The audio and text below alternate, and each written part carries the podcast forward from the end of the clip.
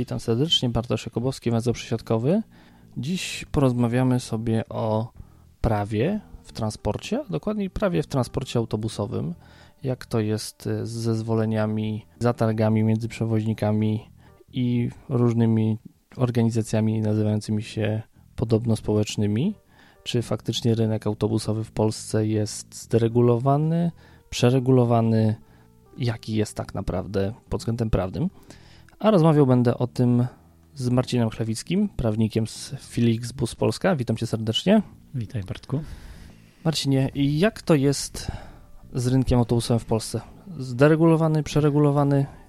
To jest dobre pytanie. W teorii jest y, dosyć mocno regulowany. W praktyce wygląda to, wygląda to bardzo różnie. A, a przede wszystkim cały czas y, mamy wrażenie, że jesteśmy w stanie tymczasowym, więc ciężko powiedzieć, jak jest, bo cały czas do czegoś zmierzamy, ale nie do końca wiemy do czego. I jest to, to, to jest dosyć spore wyzwanie na pewno dla, dla nas, dla prawników, którzy się tym zajmują, ale przede wszystkim dla przedsiębiorców, którzy muszą jakoś w tym funkcjonować. No dobra, to jak funkcjonować w tym świecie, w którym żyjemy tutaj w Polsce, jeżeli chcemy uruchomić sobie linię autobusową? Powiedz najpierw tak, jak dla laika. Co trzeba zrobić, żeby uruchomić własną linię autobusową? No, dla laika. No, trzeba mieć na pewno licencję przewoźnika, tak? Czyli musimy mieć działalność gospodarczą, czy jesteśmy sobie jednoosobową działalność, czy jakąś spółkę i musimy mieć licencję. Ta licencja jest uzyskiwana na zasadzie, no, wymagania są określone w prawie unijnym i to akurat nie jest dosyć skomplikowany proces, tak? Trzeba mieć autobus, trzeba mieć kierowcę, trzeba mieć jakąś tam bazę, zadeklarować, że to się ma. To nie jest tak, że musimy mieć że musimy mieć e, swoje, swoją bazę swoje, czy swój autobus. Może to być leasingowany na przykład pojazd. Musimy mieć odpowiedni kapitał. Musimy udowodnić w, w urzędzie, który wydaje nam te, te licencje, tudzież zezwolenie, bo to też zależy, czy staramy się dokument uprawniający do przewozów międzynarodowych czy krajowych. I relatywnie szybko taki dokument się uzyskuje. I to jest pierwszy punkt, żeby myśleć o, myśleć o tym, żeby przewozić ludzi zarobkowo. No ale chyba potrzebne jest też y, zezwolenie na przewóz właśnie regularny. Jak je uzyskać? Dokładnie, dokładnie. No to, to, to nie jest tak, że sobie po prostu e, określamy rozkład, sprzedajemy bilety i wozimy ludzi, bo czasem się tak pasażerom wydaje, że to jest bardzo proste, że jest jakieś połączenie i autobusy sobie jeżdżą, a nie znają jakby tej całej y, części formalno-prawnej, biurokratycznej, która za tym wszystkim stoi i tego, że na przykład zmiany też nie jest, zmiany nie są tak łatwe do wprowadzenia. Musimy mieć zezwolenie na trasę. Możemy się teraz skupić na trasach krajowych, bo do międzynarodowych to jest jeszcze inny zupełnie temat. No, musimy zaaplikować w urzędzie odpowiednim. Tym się w Polsce zajmują urzędy albo marszałkowskie, urzędy gmin lub też y, urzędy starostwa powiatowe, y, w zależności od tego, jaki rodzaj przewozów wykonujemy. Y, powiedzmy, że w naszym przypadku zwykle to jest marszałek, marszałek województwa mazowieckiego, ponieważ mamy tutaj siedzibę. No a na przykład jeżeli byśmy chcieli wykonywać przewozy wojewódzkie, czyli w obrębie tylko jednego województwa, no to musimy zgłosić się do marszałka z danego województwa. Musimy wypełnić wniosek, musimy mieć rozkład oczywiste. Do tego trzeba załączyć mapkę. Y, ta mapka też jest, jest określona dosyć mocno. Ten rozkład to też nie jest taki rozkład, który my znamy jako pasażerowie. To warto wiedzieć. Jest specjalne rozporządzenie, które bardzo szczegółowo reguluje, to, jak ten rozkład powinien wyglądać. Y, mam czasem wrażenie, że jeżeli chodzi o różne detale i poziom regulacji, to jesteśmy naprawdę w porównaniu z innymi państwami unijnymi bardzo zaawansowani. Trzeba wskazać wszystkie rodzaje dróg, E, kilometraż bardzo dokładnie i to jest, to jest przedmiotem dogłębnych analiz. Nawet musimy określić, ile kilometrów e, naszej trasy jest w danym województwie. Do tego musimy mieć też uzgodnienia z przystanków, czyli musimy w urzędzie marszałkowskim, składając nasz, nasz wniosek, pokazać, że mamy prawo korzystać z przystanków w danych godzinach. Czyli jeżeli mamy, załóżmy, trasę z Warszawy do Wrocławia, tudzież z Warszawy do Katowic, to musimy pokazać, że na dworcu w Warszawie, we Wrocławiu, w Katowicach mamy uzgodnienie z dworcem lub z zarządzającym przystankiem. To zwykle jest jakaś umowa albo czasem jest to jakiś taki dokument urzędowy. Nie jest to określone w prawie, jak to ma wyglądać. To jest taki element, który powoduje czasem dosyć dużo komplikacji. Jak to jest uzgadniać z kimś dostęp do przystanku? No bo na kolei jest to dość proste. Po prostu składamy wniosek o trasę i ją dostajemy. Nie musimy się dogadywać o żaden przystanek. Jeżeli nie jest to, po prostu można się nim zatrzymać. A jak to jest w transporcie autobusowym? Bo zdawać by się mogło, że jest przystanek, podjeżdża autobus i jedziemy, a jak to jest faktycznie z uzgodnieniem przystanku z jego zarządcą? No właśnie, zwykle nie ma z tym większych problemów. E, jak wiemy, ten transport autobusowy na przestrzeni ostatnich lat w Polsce dosyć mocno podupadł i, i w większości przypadków nie ma problemu braku przepustowości. Raczej mam wrażenie, że zarządzający się cieszą, że się przewoźnik pojawił będą połączenia. Czy będą na tym zarabiać, czy jak jednostki samorządu po prostu będą miały ofertę będzie lepsza oferta dla pasażerów, bo jeżeli chodzi o samorządowe dworce i przystanki, to te opłaty, które, które są pobierane są często albo są bardzo niskie, bo są określone przez przepisy, albo po prostu tych opłat w ogóle nie ma. Część samorządu w ogóle nie pobiera opłat za te przystanki.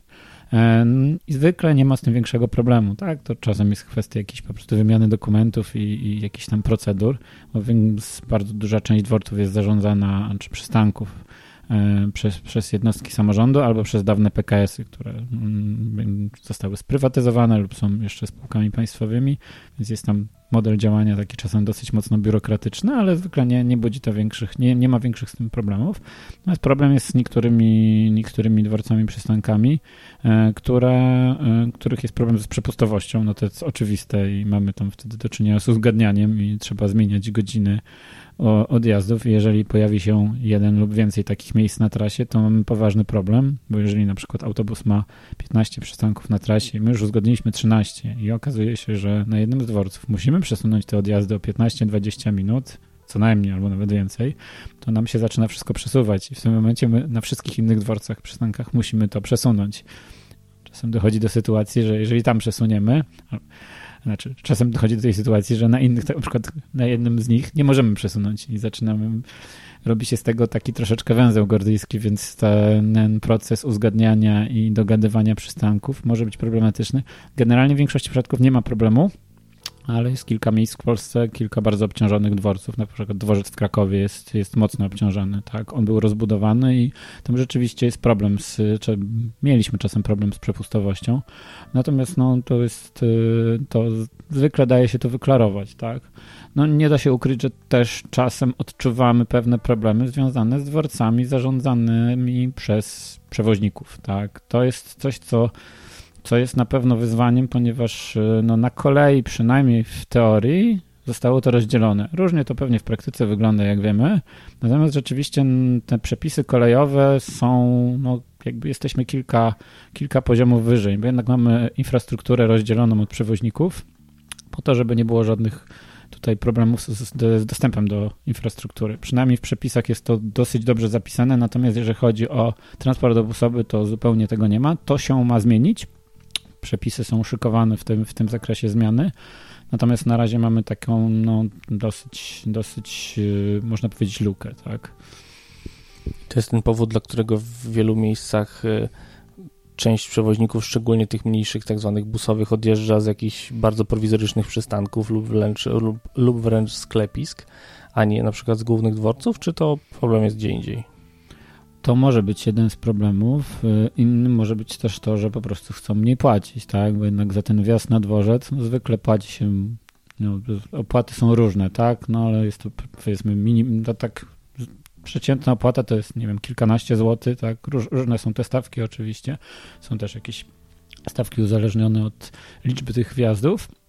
Natomiast tak, no, no myślę, że, że nie ma co ukrywać i to, to są takie rzeczy, o których się bardzo dużo nie mówi, ale są sytuacje, że po prostu pewni przewoźnicy nie są mile widziani w danym, w danym miejscu i są jakieś pewne dziwne uwarunkowania, które czasem dla nowego podmiotu, który po prostu chce wykonywać przewozy i oferować przewoźnikom, e, oferować pasażerom usługi, są niezrozumiałe i, i, i na pewno jest to, jest to, to problematyczne i, i, myślę, że to jest, zresztą nie ma co ukrywać, no tutaj są przecież też pewne działania Urzędu Ochrony Konkurencji na tym polu prowadzone i mamy, były wydawane decyzje i, i podtrzymywane przez Sąd Ochrony Konkurencji dotyczące ograniczenia konkurencji przez ograniczenie dostępu do infrastruktury. Czyli już nie obowiązuje zasada dworzec za dworzec, jak kiedyś obowiązywała różne PKS-y, że my wjeżdżamy na wasz, a wy wjeżdżacie na nasz, ale nikogo z zewnątrz nie wpuścimy.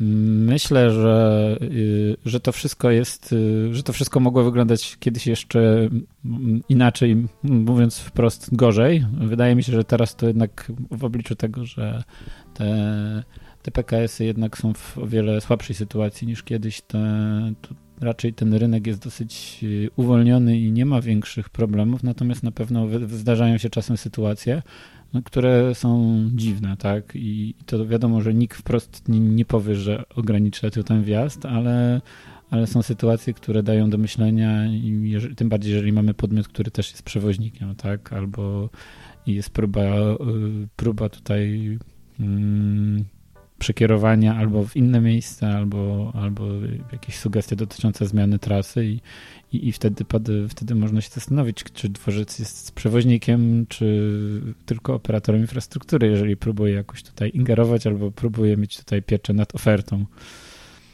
No, ale jak dobrze wiemy, to sądy twierdzą, że raczej nie powinien mieć pieczy nad ofertą, ale załóżmy, że mamy już przystanki uzgodnione. Mhm dogadaliśmy się z, przewoźni z przewoźnikami będącymi dworcami, z dworcami będącymi przewoźnikami, z samorządami, ze wszystkimi, którzy mają przystanki na trasie.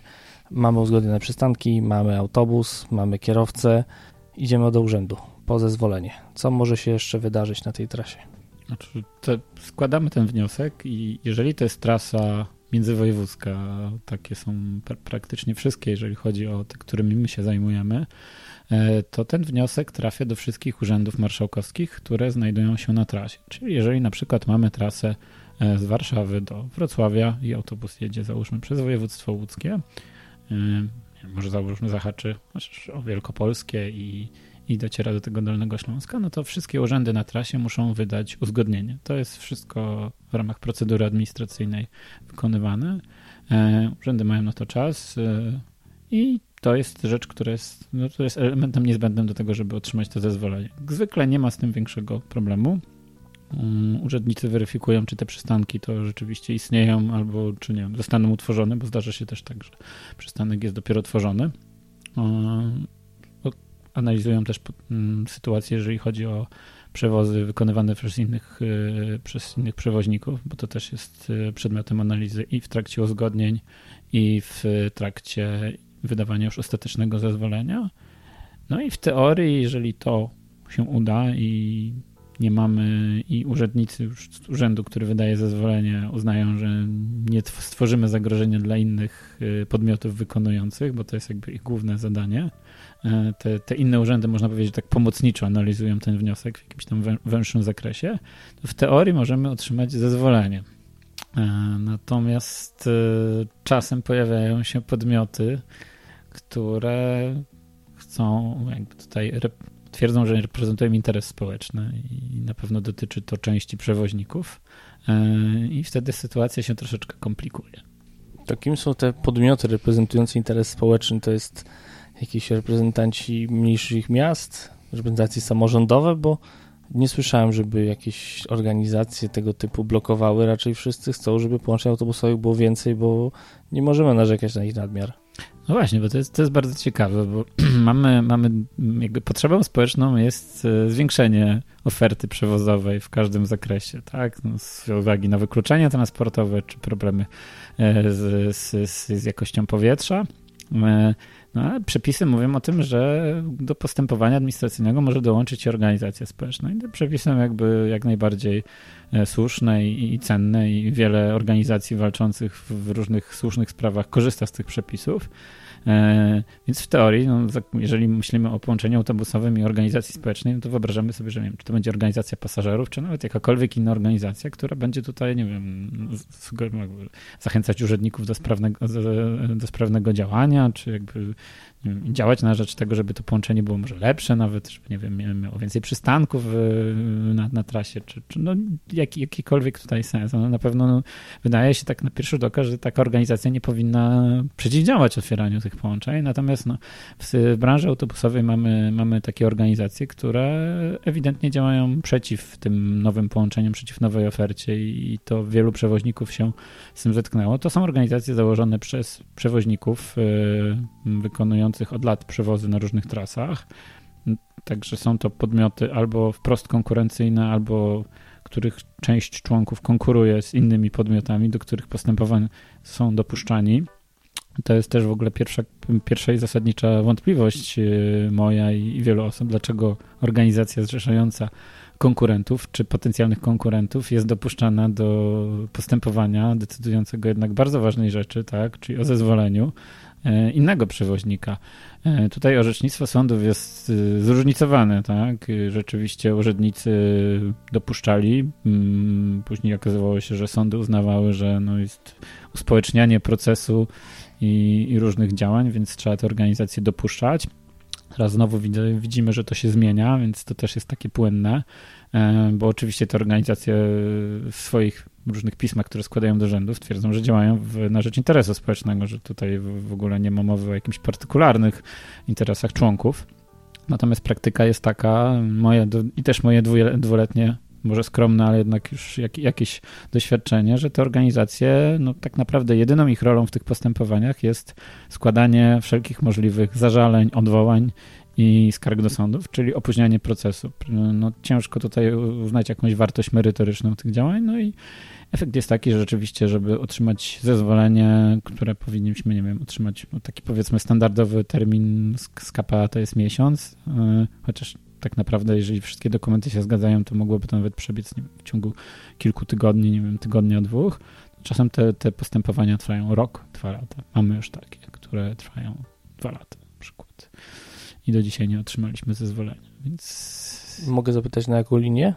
No, chyba każdy, każdy wie, mógł zauważyć, że na przykład nie oferujemy dalej na naszym zezwoleniu e, połączenia na trasie Warszawa-Zakopane, czyli dosyć istotnym, jak chyba można się domyślić. I trzeba być bardzo zaangażowanym w branżę transportową, e, żeby zauważyć, że jednak cały czas operujemy na zezwoleniu na naszego partnera, e, który jest tam jakby głównym przewoźnikiem, czyli Sutter Holding Poland. No właśnie od razu muszę zapytać o kwestię Southern Holding Poland, ponieważ e, pojawiły się informacje, jakby niebawem miała się skończyć jakby działalność tego podmiotu na polskim rynku, przynajmniej jeżeli chodzi o współpracę z Flixem. Jak to wygląda w tym momencie? No tak, to rzeczywiście jest, jest, jest podmiot, z którym mocno współpracujemy i, i część, na części zezwoleń jest po prostu przewoźnikiem, czyli jest to trochę odmienne od naszego standardowego, e, standardowego modelu. I tutaj jakby ta sytuacja się będzie troszeczkę zmieniać, bo zamiast, e, zamiast, e, zamiast tego, tego przewoźnika Souter Holdings Poland będą wchodzić inne podmioty, które, które będą, będą teraz operować. Więc to, to też myślę będzie akurat dla pasażerów bardzo, bardzo dobre, bo wymienione zostaną autobusy, tak? Więc mamy, mam wrażenie, że też po prostu mamy nadzieję, że też po prostu ta oferta się poprawi, jeżeli chodzi o jakość. Natomiast o rozkład trzeba jeszcze powalczyć. No tak, to jest, to jest na pewno duże wyzwanie. Okej, okay, ale ciągle czekamy na wejście w życie ustawy o publicznym transporcie mm -hmm. zbiorowym, która była już czterokrotnie odraczana. Pytanie, czy się jej w ogóle doczekamy, ale tam jest, pojawia się coś takiego jak zgłoszenie przewozu. Mm -hmm. I czym to się różni od y, zezwolenia? Czy to jest lepiej, czy to jest gorzej dla takich przewoźników jak Flixbus? Czy dla mniejszych przewoźników to jest dobrze? No i czy dla pasażerów to jest w Twojej opinii lepiej, czy gorzej? Mhm. No to, to jest, y, to, to zgłoszenie to jest rzeczywiście coś, co się od dawna ma pojawić i, i cały czas tego nie mamy. Może trzeba w ogóle powiedzieć o tym, co tak naprawdę miało być, bo to było, to zgłoszenie miało być elementem większego, większego systemu. My teraz mamy ustawę o transporcie drogowym, która reguluje kwestie tych zezwoleń i, i krajowych, i też międzynarodowych poza Unią Europejską. E, a e, ustawa o publicznym transporcie zbiorowym z 2011 roku mm, wprowadzała, czy 2011 czy 2010, już teraz nawet nie pamiętam dokładnie, e, wprowadzała nowy system i on miał obejmować, on miał stosować do wszystkich połączeń krajowych. To znaczy, że wszystkie trasy międzywojewódzkie miały być obsługiwane nie na podstawie zezwoleń, a zgłoszeń, czyli wprowadzono taki bardzo delikatny reżim administracyjny, czyli jeżeli przewoźnik chciał wykonywać trasę międzywojewódzką, to przychodził do urzędu, składał pewne dokumenty i mówił, że będzie chciał jeździć. Urząd to analizował, ale nawet jeżeli miał jakiś tam termin mieć, nie pamiętam, czy to miało być chyba to miał być miesiąc, tak? E, to nawet jeżeli urząd w tym terminie nie wydał mu potwierdzenia, bo tam wtedy nie było decyzji, tylko potwierdzenie zgłoszenia przewozu, to przewoźnik na podstawie złożonego wniosku mógł zacząć operować. Generalnie te dokumenty, które trzeba było złożyć, były dosyć zbliżone do tych, które teraz e, są związane ze zezwoleniem krajowym, czyli tam trzeba było też założyć, załączyć rozkład jazdy, trzeba było pokazać, że się ma uzgodnienia z przystankami. Natomiast to, co było różnicą, to e, miała być wyłączona możliwość e, tutaj tej analizy rentowności. Czyli jeżeli przewoźnik złożył, złożył tutaj wszystkie dokumenty i spełnił wymogi formalne, no to mógł zacząć jeździć. Nie było tu żadnych, e, żadnych ograniczeń. Natomiast wszystko inne niż połączenie międzywojewódzkie miało wchodzić w nowy reżim e, związany z wykonywaniem przewozów użyteczności publicznej. Tak? I to rozwiązanie w pełni miało wejść w życie, o ile się nie mylę, chyba pierwszy raz w 2016 roku. 1 stycznia 2017. 2017, ok. No i generalnie od 2017 roku, mamy już 2020 rok, co roku wejście w życie tego elementu tej ustawy, bo ta ustawa prawie w całości obowiązuje, co ciekawe. Prawie jest, robi wielką różnicę w tak, tym wypadku. jest odkładane e, i co roku te zezwolenia na połączenia krajowe, które, które, które miały zostać wygaszone, bo to też jest istotne, te wszystkie zezwolenia miały być wygaszone i mieliśmy przejść na te zgłoszenia, są przedłużane. E, I to jest o tyle ciekawe, że e, urzędy wydają te zezwolenia, natomiast one są zawsze ważne do końca danego roku.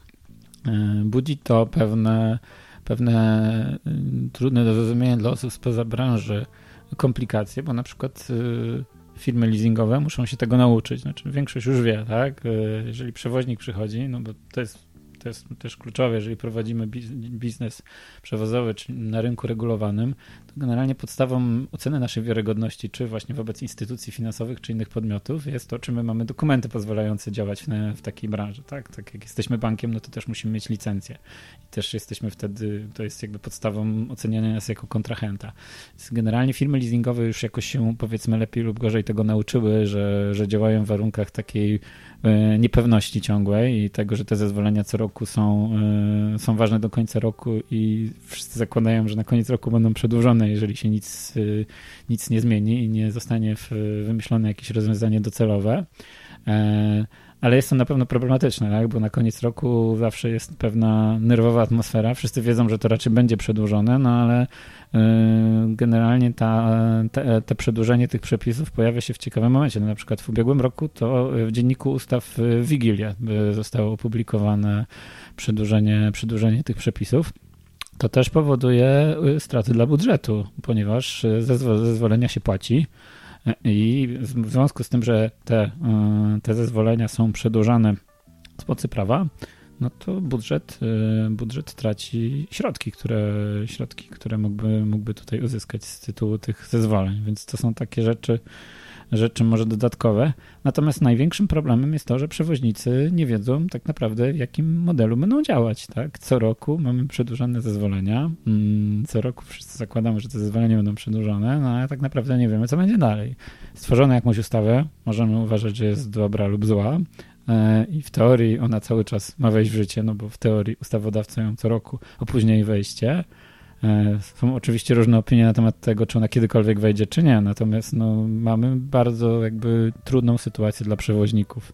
Bo nawet jeżeli byśmy zdecydowali, że ta ustawa nie wejdzie i trzymamy się starych przepisów, no to byłoby mimo wszystko lepszą niż y, taka cały czas sytuacja tymczasowości. Więc to jest bardzo duże, bardzo duże wyzwanie. Oczywiście to jest związane z tym, że są różne interesy w tej branży. Są przewoźnicy mniejsi, są więksi i są pewne obawy, tak? Ten rynek się troszeczkę zmienił od lat 90., ale spora jednak przewoźników troszeczkę działa w, w, w, klimacie, w klimacie innych czasów i pewnie się obawia tej, tych regulacji i tego, jak wpłynie to na ich biznes. No to oczywiście się wszystko też łączy z kwestią wykluczenia przewozów użyteczności publicznej. Nie może dla nas, ale ta ustawa reguluje wszystkie przewozy i tego, jak w ogóle powinien wyglądać rynek transportu drogowego w Polsce, gdzie mamy pełny wolny rynek, gdzie mamy działania, gdzie mamy przewozy użyteczności publicznej dotowane. To jest, to jest wyzwanie. No, ta ustawa wprowadzała pewien system, chociaż nie gwarantowała finansowania, który mówił tak, jeździsz dalekobieżnie, działasz na własny rynek i działasz wolnorynkowo, a wszystko co poniżej musisz wykonywać przewozy w oparciu o plany transportowe. Yy, I to był jakiś pomysł, można się z nim zgadzać lub nie, natomiast on nie został wprowadzony. Ja uważam, że to było całkiem sensowne rozwiązanie, tym bardziej, że te przewozy dalekobieżne rzeczywiście no, nie ma jakiegoś nie wiadomo jak wielkiej liczby przewoźników i lepiej lub gorzej to działa na zasadzie wolnorynkowej, to też trzeba pamiętać, że to nie jest tak, że ci przewoźnicy sami ze sobą tylko konkurują, ale mamy samochód prywatny, tak, mamy kolej, która jest dotowana, więc, y, więc pytanie, czy tak naprawdę, czy to rozwiązanie nie byłoby właściwe, tak? Czyli te zgłoszenia przewozu. A mamy tak naprawdę, nie, nie, nie są problemem przewoźnicy dalekobieżni, bo nie ma ich nie wiadomo ilu. Problemem jest to, że mamy wykluczenie transportowe i tu jakby powinniśmy całą uwagę skupić. A... Właśnie mówi, mówiłeś o budżecie państwa, mówiłeś o dotacjach ale gdzieś tam umknęła właśnie jedna rzecz, która jest w Polsce bardzo ważna, żeby prowadzić przewozy autobusami. Piękna, brudno-zielono-szara bileterka tak. do e, pobierania dopłat do ulg ustawowych. I jakby ten temat nam tu zupełnie umknął, a jest to jednak nie, niezbędny element do tego, żeby w tym trudnym świecie autobusowym funkcjonować, bo z jednej strony wymaga się od przewoźnika tak naprawdę funkcjonującego w Polsce w tym momencie honorowania ulg ustawowych, mhm. a z drugiej strony, żeby jednak otrzymywać dopłaty za te ulgi, trzeba tą bileterkę mieć i dostosować się do wymagań ustawowych. Powiedz mi, jak to w tym momencie wygląda z punktu widzenia przewoźnika dalekobieżnego i jak to może powinno wyglądać, bo z ulgami mamy dość spory problem Jak go rozwiązać? Rzeczywiście, bo to, to, o czym rozmawialiśmy wcześniej, czyli ustawy o publicznym transporcie zbiorowym i wejściu w życie, to w tle tak naprawdę była też kwestia ulg ustawowych, bo założeniem tej ustawy było to, że ulgi będą tylko na przewozach użyteczności publicznej i to była moim zdaniem jedna z przyczyn, dlaczego nie mamy, nie weszła jeszcze do, docelowa regulacja. Oczywiście można byłoby tak naprawdę to oddzielić ten temat, e, ale, ale jest to jakoś tam połączone. I to było rzeczywiście jedna z problematycznych kwestii. Z ulgami jest rzeczywiście tak, że wszyscy przewoźnicy muszą je honorować i my też jako Flixbus je oczywiście honorujemy. Na pewno jest to system, który wymaga gruntowne, gruntownej zmiany i, i, i przydałaby się reforma, natomiast jest to, jest to temat społecznie wrażliwy i ja osobiście uważam, że nie, sensowne jest to, że pewne grupy osób mogą mieć ulgi, natomiast tak jest to w Polsce rozwiązane, nie jest, nie jest rozwiązaniem optymalnym. Przede wszystkim e, kwestia, że ten katalog jest bardzo skomplikowany, mamy bardzo wiele różnych poziomów ulg. E, o tyle, o ile na kolei to jeszcze ten katalog ulg jest mniej więcej podobny, jeżeli chodzi o kategorię pociągów, na przykład, ale jeżeli chodzi o autobusy, no to mamy cztery rodzaje połączeń autobusowych. To też może wiele osób o tym nie wiedzieć, że mamy kursy zwykłe, mhm. przyspieszone, pospieszne i ekspresowe. Tak. I Egzamin teraz, zaliczony? Oczywiście. Brawo. E, I teraz tak, oprócz tego, że mamy cztery rodzaje komunikacji autobusowej, to jeszcze mamy podział ze względu na bilety jednorazowe i bilety yy, okresowe. I tutaj też system ulg jest y, zróżnicowany, inny niż na kolei. I to powoduje oczywiście wyzwania, no nawet pod kątem tak, czy informatycznym, czy yy, świadomości tych kierowców Inną sprawą jest jeszcze to, że jeżeli te ulgi oferujemy, to mamy prawo jako przewoźnik do pobrania dotacji, tak, zwrotu z budżetu. I to jest, to jest też bardzo duże wyzwanie, no bo powszechnie jest y, wiadomo, że wielu przewoźników te, korzysta z tej możliwości. De facto jest to teraz y, de facto narzędzie do finansowania. Można powiedzieć, że jest to taki instrument PSC, y, czyli, czyli dotowania połączeń użyteczności publicznej.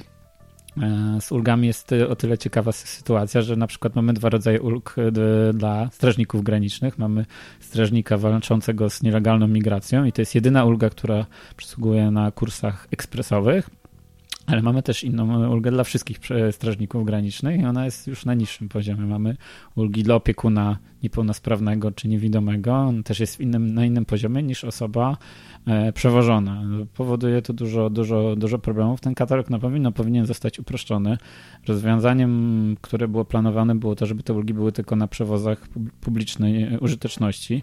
Nie wiem, jaka stała do końca za tym idea, ale myślę, że pewnie była też związana z tym, że po prostu jest to trudne do kontrolowania i jeżeli mamy przewozy dotowane, to możemy po prostu nie rozliczać każdej ulgi, tylko w ramach tego, że przewoźnik dostaje dotację, oferuje te ulgi e, i wtedy nie ma sytuacji takiej, że on musi raportować, że przewiózł na przykład 50 strażników granicznych.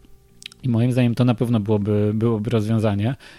Oczywiście w ten sposób był, mielibyśmy problem tych połączeń komercyjnych, których tych ulg nie ma. Pytanie, jak to, jak to rozwiązać. No to jest na pewno do, do analizy, ale to, co powinniśmy zrobić jak najszybciej, to ten katalog uprościć, czyli nie wiem, nie mieć 10 rodzajów ulg dla niewidomych czy weteranów, tylko załóżmy jedną na jednym poziomie, nie wiem, zrobić, stworzyć trzy progi tych, tych ulg yy, i to jest takie minimum. Mamy też ten, to już jest temat niezwiązany z komunikacją dalekobieżną, ale to jest poważne wyzwanie, jeżeli chodzi o bilety wszelkie zintegrowane, bo mamy inne ulgi na kolei i w komunikacji miejskiej i to nam bardzo utrudnia tworzenie ofert w aglomeracji komercyjnych biletów, więc ten temat naprawdę dotyka wielu, wielu sfer.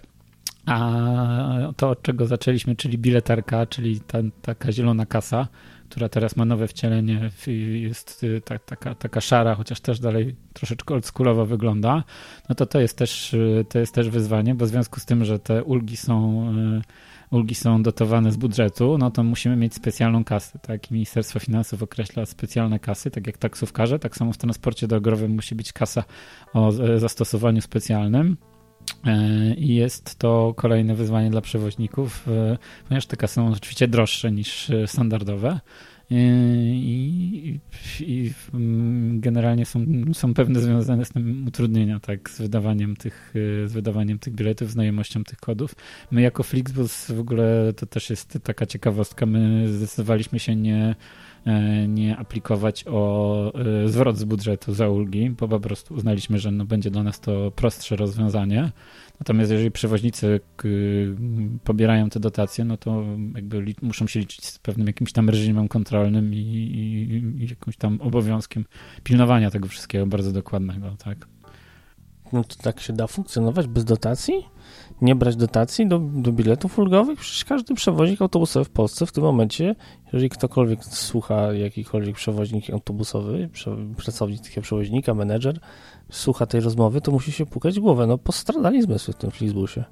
E, tak, ale uznaliśmy, że w kontekście jakby obowiązków, które są związane z raportowaniem tych, tych ulg i tym, że jednak też trzeba wiedzieć, że skala korzystania z ulg w naszym przypadku jest niewielka, bo bo te ulgi y, może w komunikacji regularnej się częściej pojawiają, ale, ale na przykład dwie bardzo ważne i wydaje mi się, że kluczowe ulgi, czyli bilet y, jednorazowy dla ucznia i studenta, one nie obowiązują w komunikacji autobusowej. Wbrew pozorom tych pasażerów z ulgami nie ma tak wielu u nas. Nie wiem, jakie są innych y, przewoźników, więc uznaliśmy, że jakby potencjalne tutaj wpływy w kontekście e, dokumentów, które musimy wypełniać, jakichś obowiązków, nie, nie, nie równoważą tego, tego wszystkiego. Być może jest to rzeczywiście, pewnie jesteśmy jedynie albo wyjątkowi, ale też trzeba pamiętać, że my mamy pewne rozwiązania jakieś informatyczne, które nie są stworzone tylko na polski rynek, ale są globalne i dostosowanie różnych takich systemów jest czasem problematyczne i, i, i nie, jest, nie jest takim łatwym, e, takim łatwym działaniem.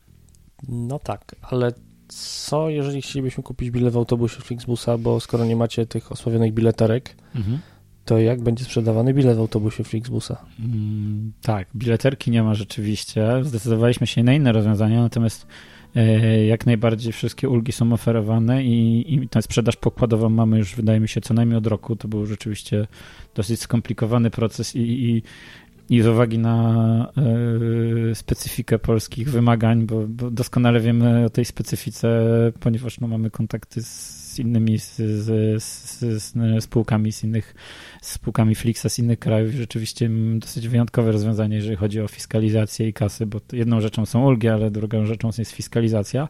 Mamy sprzedaż pokładową, mamy, można kupić u nas bilet na, na, na pokładzie i oferujemy te ulgi, mamy po prostu troszeczkę inne rozwiązanie w oparciu o IT i technologię, czyli nie ma tej kasy fizycznie, jest drukarka fiskalna, Natomiast pełna fiskalizacja jest prowadzona. Mamy takie dedykowane rozwiązanie, ale jak wiemy, przewoźnik, który był przed nami i na przykład nie zdecydował się nigdy na sprzedaż pokładową, tak, nasz, nasz można powiedzieć podmiot, który był pierwszym takim dużym przewoźnikiem dalekobieżnym i podejrzewam, nie wiem tego szczerze, ale podejrzewam, że z tego powodu, jakby z uwagi na te wymagania, które też nie, nie, ułatwiają, nie ułatwiają po prostu, bo, bo ta sprzedaż dla części pasażerów jest na pewno istotna i, świetnie było, jakby te przepisy po prostu były, były, były o wiele łatwiejsze, ale jedna rzecz to są te drukarki i, i kwestia, kwestia ulg, tak? Ale kolejną rzeczą jest fiskalizacja, która też jest dosyć dużym wyzwaniem, bo my na przykład mamy takie farmy drukarek specjalnych, które drukują paragony, bo do każdego biletu, który my drukujemy, w, który sprzedajemy,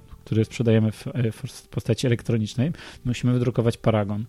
Więc mamy e, wynajęte farmy drukarek, gdzie drukują się paragony do tych wszystkich biletów kupowanych online, elektronicznych. Bowiem ustawodawca wie o jednej najważniejszej prawdzie w życiu. Nikt nie jest bez VAT. Jakby to, to rozwiązanie z drukowaniem nie wyłącza tego, że wszystko można fiskalizować i jakby tutaj e, nie, nie, nie, nie, nie widzimy żadnego problemu, żeby stosować się do tych wszystkich regulacji i jak najbardziej mamy, mamy je w sercu, ale to drukowanie troszeczkę szkoda, szkoda drzewek naprawdę, czy tam szkoda tego materiału, z którego powstaje ten papier do drukarek, no to chyba, chyba zresztą z drzewek.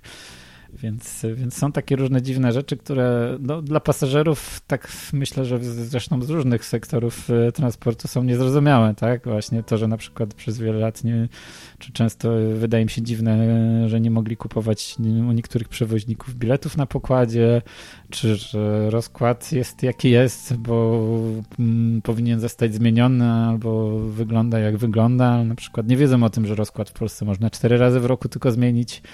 E, i, o różnych takich, takich kwestiach, które, które na pewno gdzieś tam mogą być, mogą być po prostu odczytywane w inny sposób. Skomplikowany jest ten temat, nawet jak dla mnie, może też się nim od dłuższego czasu zajmuję. No ale taki jest y, świat transportu autobusowego w Polsce. Bardzo Ci dziękuję za rozmowę. Moim gościem był Marcin Chlewicki, prawnik z polskiego oddziału Flixbus. Jeszcze raz dzięki. Dzięki wielkie. Tradycyjnie, jak na koniec każdego odcinka, chciałem bardzo serdecznie podziękować wszystkim patronom podcastu, których z tygodnia na tydzień jest coraz więcej. A zatem szczególne podziękowania dla Piero, Pawła Zegartowskiego, Pawła Szczura, Roberta Błauta, Tomasza Tarasiuka, Moniki Stankiewicz, Kuby Czajkowskiego, Pawła Łapińskiego, Barnaby Turek, Andrzeja Kaszpira-Kaźmirowskiego i Petera Janczowicza. Zapraszam Was również na wyjątkową audycję na żywo, która odbędzie się już za tydzień, 3 marca o godzinie 20.55 na kanale Węzła Przesiadkowego na YouTube. Audycja wyjątkowa, ponieważ będziemy rozmawiać o katastrofie kolejowej w Szczekocinach w jej ósmą rocznicę, czy musiało do niej dojść, jak można było jej zapobiec i czy na pewno wszystkie okoliczności zostały wyjaśnione. O tym będę rozmawiał z moimi gośćmi. Przypominam, 3 marca 20.55 kanał węzła przysiadkowego na YouTube. Serdecznie zapraszam.